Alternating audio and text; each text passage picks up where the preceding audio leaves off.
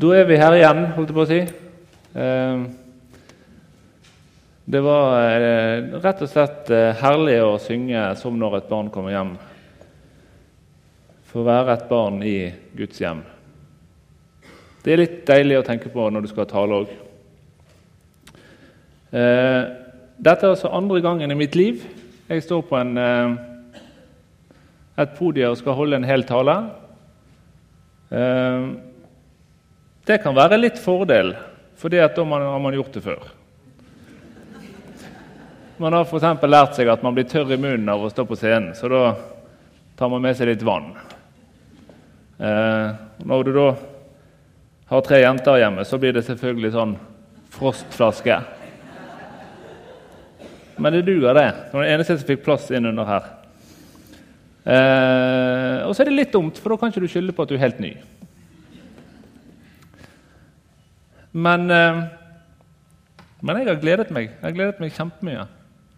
Eh, og så er det litt rart at det er utrolig hvor spent du kan være til noe du gleder deg så mye til. Eh, og så er jeg jo glad for at Glenn spurte meg om å tale igjen, for jeg fortalte jo sist at jeg har jo kjøpt meg sånn talejakke.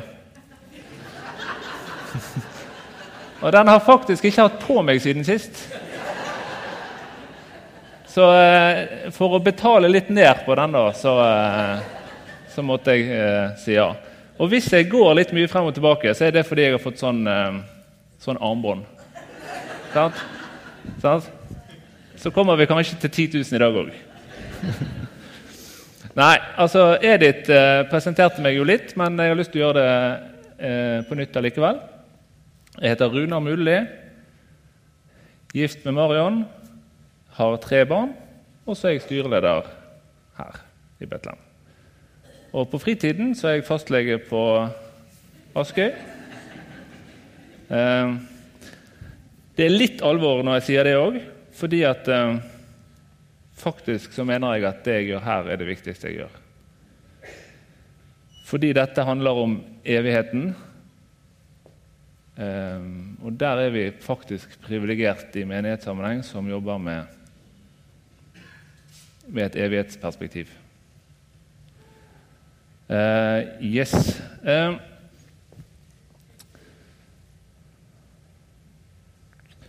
sist jeg talte i høst, så var det et litt sånn melankolsk tema uh, som handlet om litt vanskelige følelser og hvordan håndterer vi det i møte med Gud.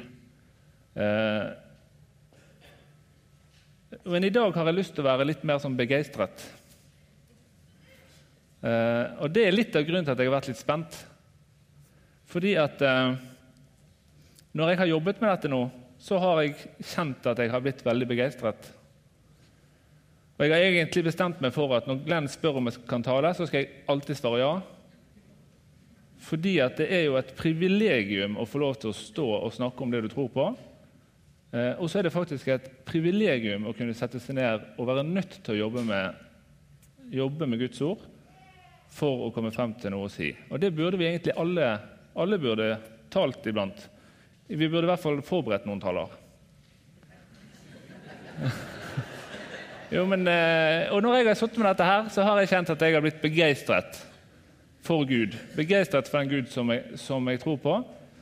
Og så, Det som gjør at jeg er litt spent, er at jeg er litt usikker på om jeg får det fram. Men det får vi se. Og så snakket jeg med en i, i går kveld om akkurat dette her. Og så sa han da skal du gå hjem og så skal du lese Johannes 6, 63. Og det gjorde jeg. Og egentlig så løste det problemet. Der står det Det er Ånden som gjør levende. Kjøtt og blod duger ikke. Jeg tror faktisk at Gud kan bruke det jeg sier, eh, om jeg så ikke får det helt til. Ehm, det er Ånden som gjør levende. Kjøtt og blod duger ikke. Og Derfor har jeg lyst nå å legge møtet og talen frem for Gud og be om at Han må komme og gjøre dette levende for oss. Kjære Jesus. Takke deg for det privilegiet at vi skal få samles om deg. Takke deg for at vi kan stole på at du er her i dag. Og så er det bare du som kan gjøre ditt ord levende. Det kan ikke jeg gjøre. Det er det ingen her som kan gjøre. Men takk for at du er her, og vi ber om at du må velsigne det som blir sagt. Hjelp meg til å si det du vil at jeg skal si, på en måte som du vil at jeg skal si det. Og så ber jeg om at du må åpne hjertene, sånn at jeg kan nå inn og gi liv hos de som hører på. Så vil jeg samtidig be deg for kollekten som ble samlet inn. Be om at du må velsigne det som ble gitt, at det kan være, bli brukt til ære for deg. Og jeg ber òg om at du må velsigne hver enkelt som har gitt. Amen. Ehm, så er jeg nok fortsatt på det nivået at jeg ikke har peiling på hvor lang tid en tale kommer til å ta. Men jeg tror i hvert fall den skal bli lang nok. Eh, I dag så er temaet Det skal handle om Guds omsorg, Guds tilstedeværelse og Guds ledelse. Og så skal vi litt tilbake til søndagsskoletiden. Sigfred? Eh, ja, dette er et sånt søndagsskolebilde. Du kan godt gå tilbake. Og, eh, vi skal bruke israelsfolket sin vandring i ørkenen som et utgangspunkt for å se på hvordan Gud er til stede, hvordan Gud leder, og hvordan Gud viser sin omsorg for sitt folk. Så skal vi dra det inn i vår hverdag etter hvert.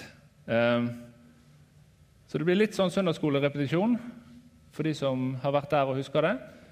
Men så mener jeg det, og det, det, mener jeg er viktig, at man skal kunne komme i Betlehem og få noe ut av talen uten noe særlig med forkunnskaper. Derfor så blir det litt sånn basal repetisjon for en del av oss. Men israelsfolket er jo altså folket i Gamle Testamentet som Gud valgte som sitt folk inn i sin frelsesplan.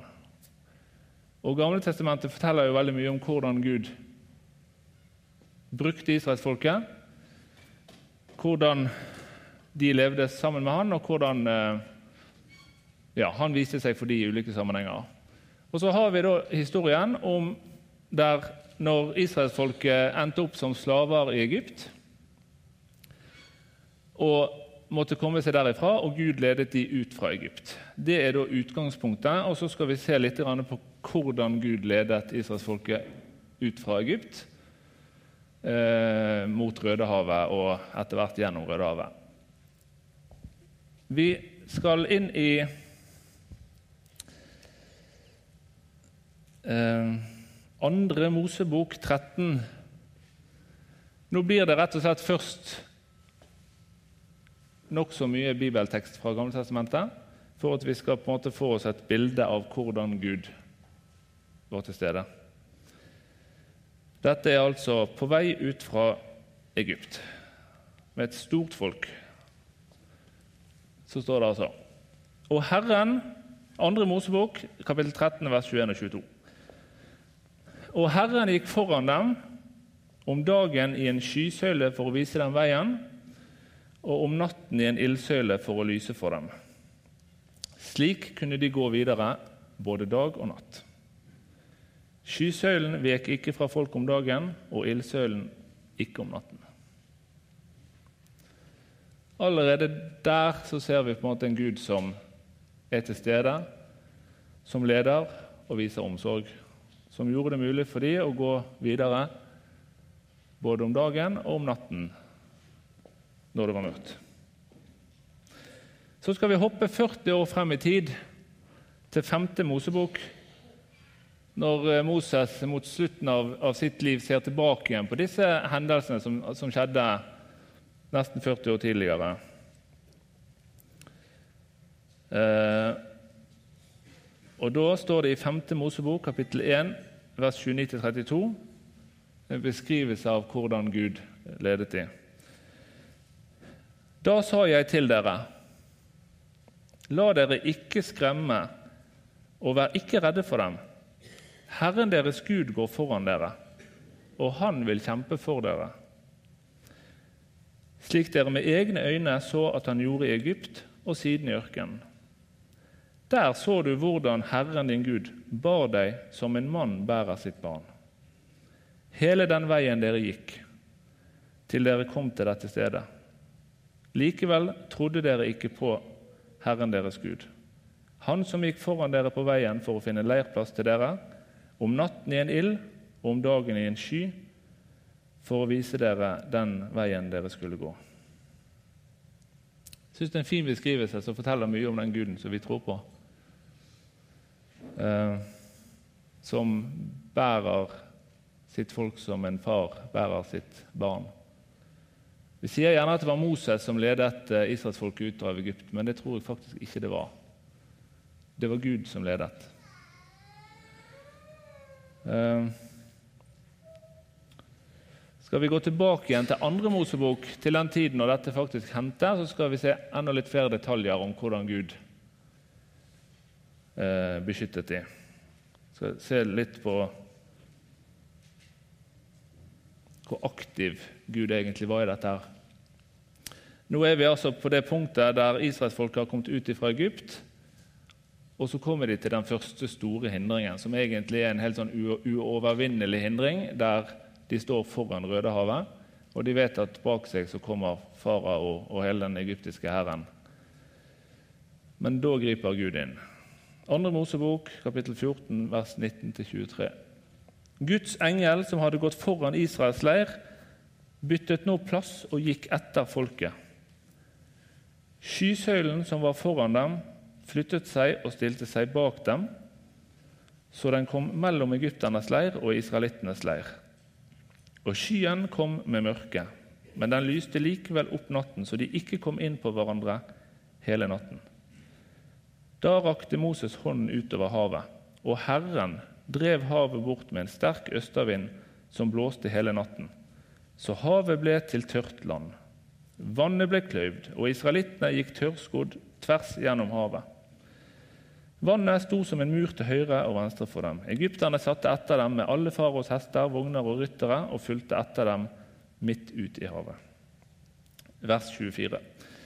Men ved morgenvakten så, her, så Herren ned på egypternes leir fra ildsøylen og skysøylen, og, og han skapte forvirring blant dem. Han låste hjulene på vognene deres, så det var tungt for dem å komme seg frem.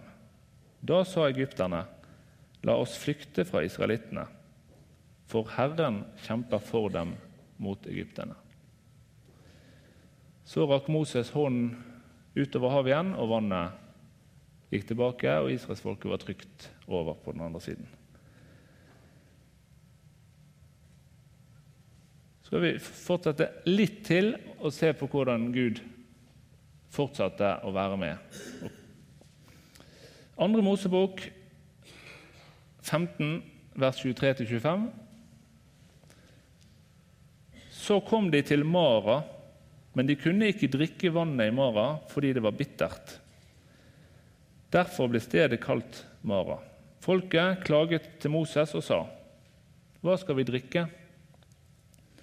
Da ropte han til Herren, og Herren viste ham et tre. Det kastet han i vannet, og vannet ble friskt. Og når de mangla mat, så ordnet Gud opp det òg. 2. Mosebok 16, 2-4. Hele menigheten klaget til Moses og Aron i ørkenen og sa:" Om vi bare hadde fått dø for Herrens hånd i Egypt, da vi satt omkring kjøttgrytene og spiste oss mette. Men nå har dere ført oss ut i denne ørkenen for at alle vi som er samlet her, skal dø av sult. Da sa Herren til Moses.: Se, jeg vil la det regne brød ned til dere fra himmelen. Hver dag skal folket gå ut og sanke en dagsrasjon. Da det ble kveld, kom det vaktler og dekket leiren, og om morgenen lå det et lag med dugg rundt leiren. Da duggen forsvant, var ørkenen dekket av et fint, kornet lag. Det var som fint rim på jorden. Da israelittene så det, sa de til hverandre, 'Hva er det?' For de visste ikke hva det var. Og Moses sa til dem, 'Det er det brødet Herren har gitt dere å spise.' Også vers 31. Israelittene kalte det manna. Det lignet korianderfrø. Det var hvitt og smakte som tynne kaker bakt i honning. Og Sånn fortsatte det i 40 år. Hver morgen var bakken dekket med manna, og dermed hadde israelsfolket mat å spise midt i ørkenen. Uh,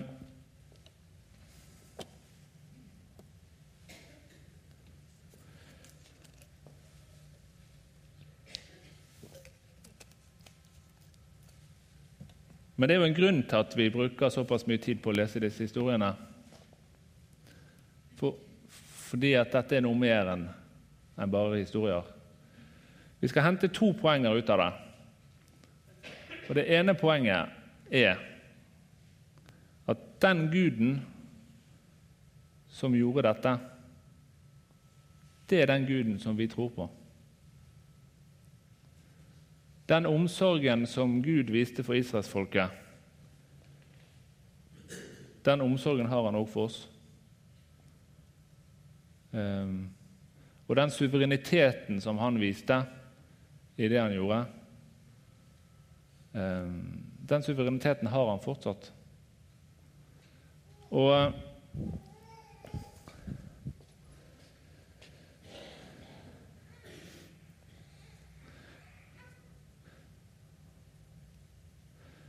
Uh, og Det er jo det som gjør det så spennende, og det er jo det som jeg på en måte kjenner gjør meg litt sånn begeistret, faktisk.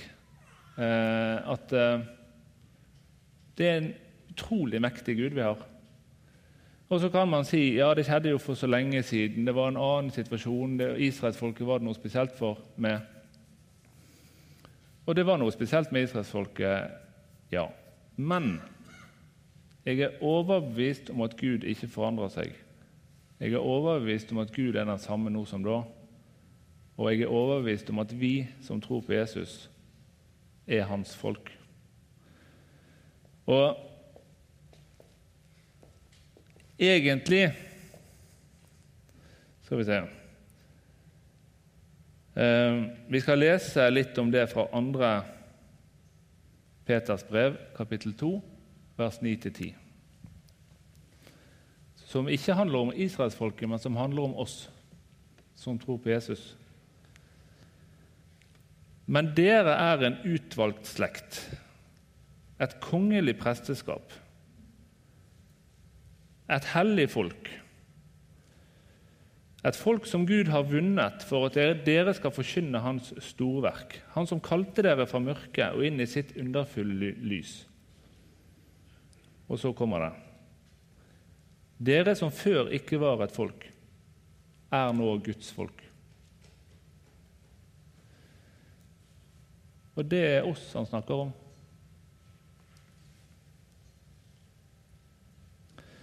Og så har jeg lyst til å bare prøve å vise at egentlig så er vi enda mer privilegert enn israelsfolket. Eh, for vi leser om store ting som skjedde. Men hvis vi ser i Gamle Testamentet, så ser vi det at Gud på en måte besøkte jorden. Han kom som en skystøtte. Han var i en brennende tornebusk en gang. Han sendte engler til jorden. Men en gang i historien så skjedde det at Gud bestemte seg for å komme til jorden og bli der.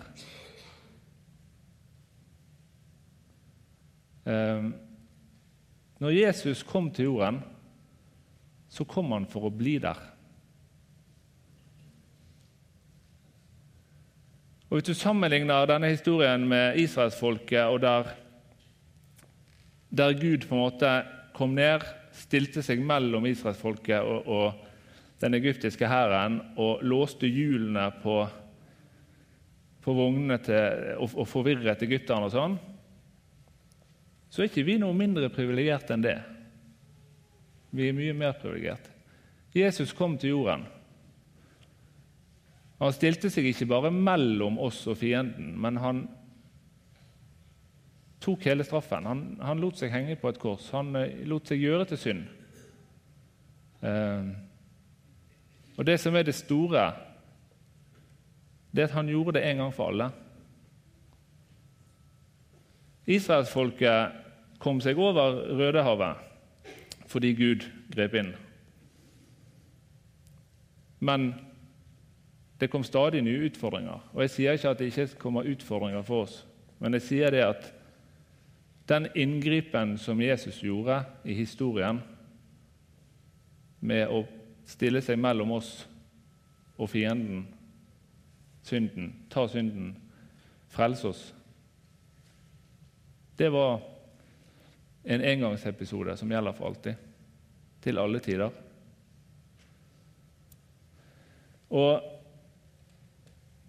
Det kommer altså til et punkt Gud bestemte seg for å komme til jorden og bli der. Og det er vår tidsepoke. Skal vi lese noen bibelvers som jeg tror egentlig Moses, som egentlig jeg tror ville gjort Moses misunnelig på oss. Um,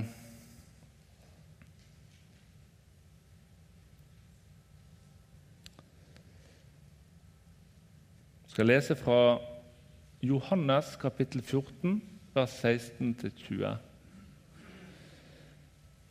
Og jeg vil be min far, og han skal gi dere en annen talsmann, som skal være hos dere for alltid.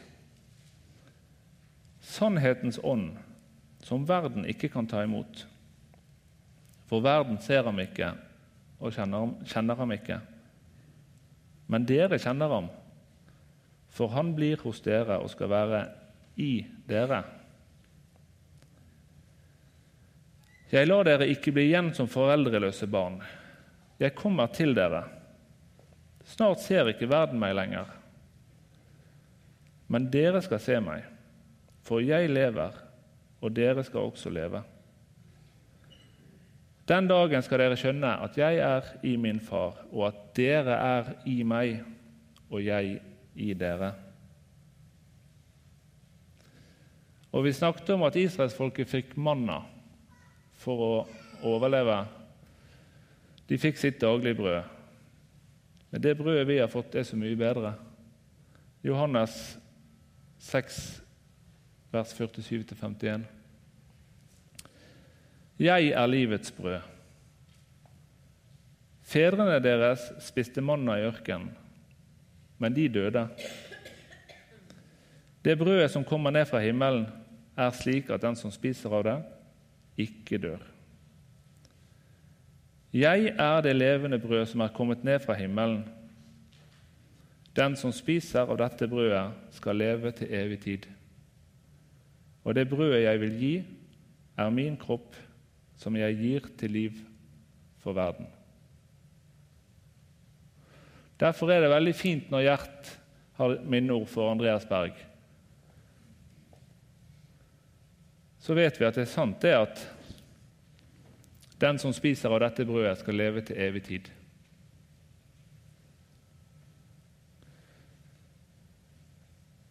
Så er egentlig spørsmålet om vi forstår hvor stort det er.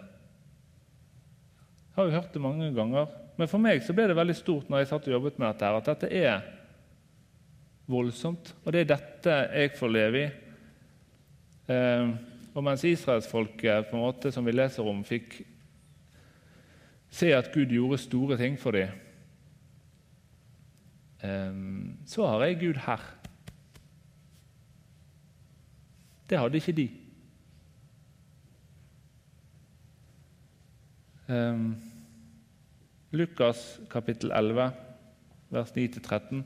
Egentlig et avsnitt som jeg har hatt litt problemer med å forstå, men som eh, jeg tror jeg skjønte litt bedre nå. Jesus sier, 'Jeg sier dere, be, så skal dere få.' 'Let, så skal dere finne.'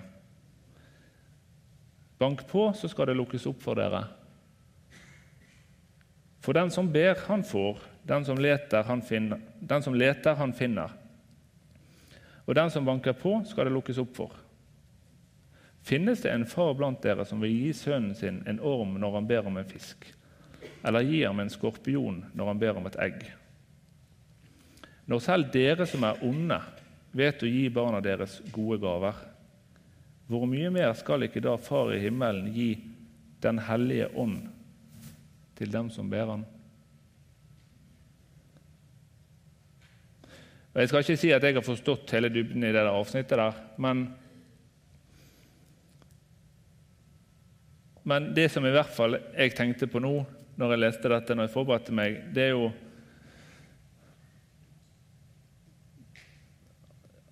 Gud har gitt oss Den hellige ånd.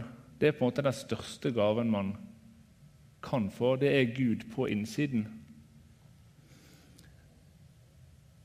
For Jeg har liksom tenkt at be, så skal dere få, så handler det mer om trivielle, daglige ting. Og Det kan godt hende det er mer i dette her enn jeg, jeg vet. Men, men, Gud har gitt oss den største gaven som er mulig å få for et menneske. Og det er Gud på innsiden av oss. Og på en måte så blir alt annet småting i forhold. Eh, og Da må jeg nok jeg bare akseptere at jeg ikke forstår alltid Guds perspektiv på hva jeg ikke får. Men jeg har fått det største jeg kan få. Jeg har fått Gud på innsiden. Og en evighet i vente. Og Det betyr egentlig at vi skulle ha alle muligheter for å kunne vandre sammen med Gud. For Gud er ikke langt vekke. Han er her. Han er med meg hver dag i alt jeg gjør. Eh, jeg trenger ikke trenger egentlig ikke kjempestore opplevelser med Gud for å kunne tenke at han er der. Eh, for vi er på en måte i den privilegerte situasjonen at, eh, at vi kan ha en dialog. Vi har retten til å be. Vi har retten til å samtale med Gud på innsiden av oss. Og dermed òg lære oss opp til å høre på hans vilje. Så, så, jeg tenker at vår oppgave er å søke og lytte. Å søke og lytte. Hvordan gjør vi det? Jeg tror det ligger en utrolig nøkkel i det å be. Holde dialogen med Gud på innsiden av oss. Ta til oss av Guds ord på ulike måter. Eh, men vi har en eh, enormt privilegert situasjon av å ha Gud så tett. Og så må jeg bare få si en ting, for Vi hører veldig ofte at folk sier at kristendommen er intolerant og kristendommen er fordømmende. Men hvilken annen religion kan konkurrere med at Gud kommer til jorden og blir der? Og tar på seg all skylden og ønsker faktisk å komme inn og bo i hvert enkelt menneske på jorden. Enten du er dronningen av Saba, eller du er, bor i slummen i Katmandu, eller Det er ingen som kan konkurrere med det. Det er det mest tolerante eh, budskapet som fins.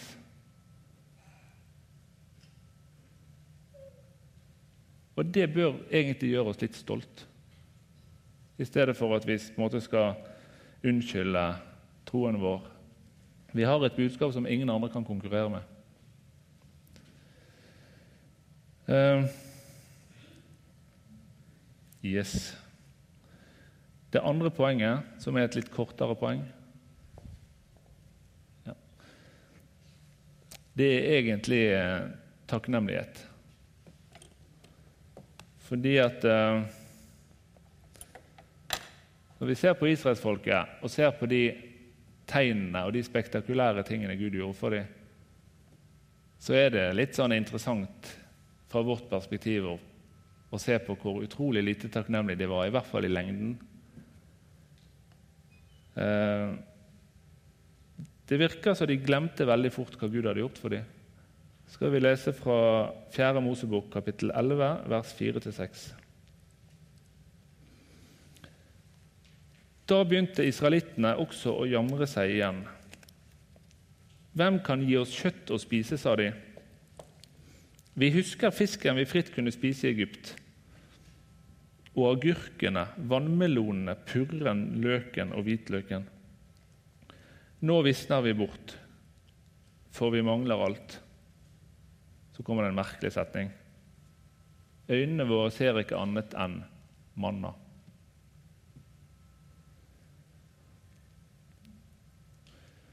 Det er litt sånn eh, Nesten litt lett å le litt av det, syns jeg. Fordi at eh, det,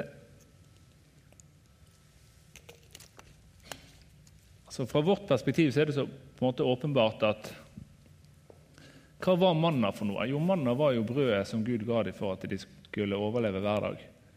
Gud tok seg jo av dem hver dag med å la det ligge manna på, på bakken. Hver dag i 40 år. Og til slutt så sier de at alt vi ser er manna. Hvor er det vi trenger? Vi vil ha hvitløk og purre og agurker og meloner. Men det kan hende at det ikke er så veldig ulikt oss. Det kan hende. Vi som bor i trygge, privilegerte Norge, som er overøst av gaver fra Gud som egentlig ikke har noe som vi ikke har fått ifra Gud. Og vi har til og med en Gud som har tatt all straffen for oss, som bor på innsiden av oss. Men kanskje det òg for oss av og til kan være sånn at vi ser bare manna. Vi går oss rett og slett blind i alt det gode Gud har gitt oss, at vi faktisk nesten glemmer at det største av alt det er at han bor her.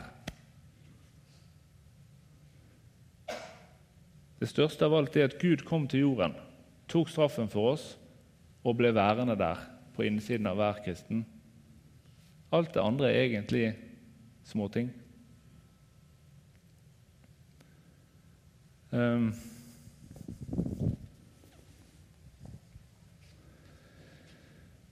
Og så kan vi også se Når israelsfolket var kommet frem til Kanan, eller Israel, eller hva vi skal kalle det eh, De skulle i hvert fall inn i landet sitt. Så ser vi òg der hvordan de egentlig glemte hva Gud hadde gjort for dem, og de glemte hvem de hadde med på laget. Eh, hvis vi tar neste, Sigfred.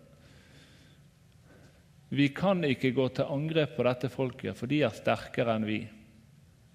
Og så sier de i egne øyne var vi som gresshopper, og det var vi i deres øyne også. Det sier altså folket som ganske kort tid tidligere hadde fått kløyvd et hav foran seg, vandret rett gjennom på havbunnen. Men plutselig så glemte de Gud. Og så tenker jeg at Det nye banneret vårt her er egentlig viktig for oss. Vår hjelp kommer fra Herren. Hadde israelsfolket husket det i den situasjonen der, så hadde de ikke sagt akkurat det der. De hadde kanskje sett på seg sjøl som gresshopper, men de hadde husket at Gud var med, og de hadde husket at, at hjelpen kommer derfra. Så hadde de tatt en, en helt annen vurdering. Resultatet av det der var at de fikk 40 år i i ørkenen, for de glemte at hjelpen kommer fra Herren.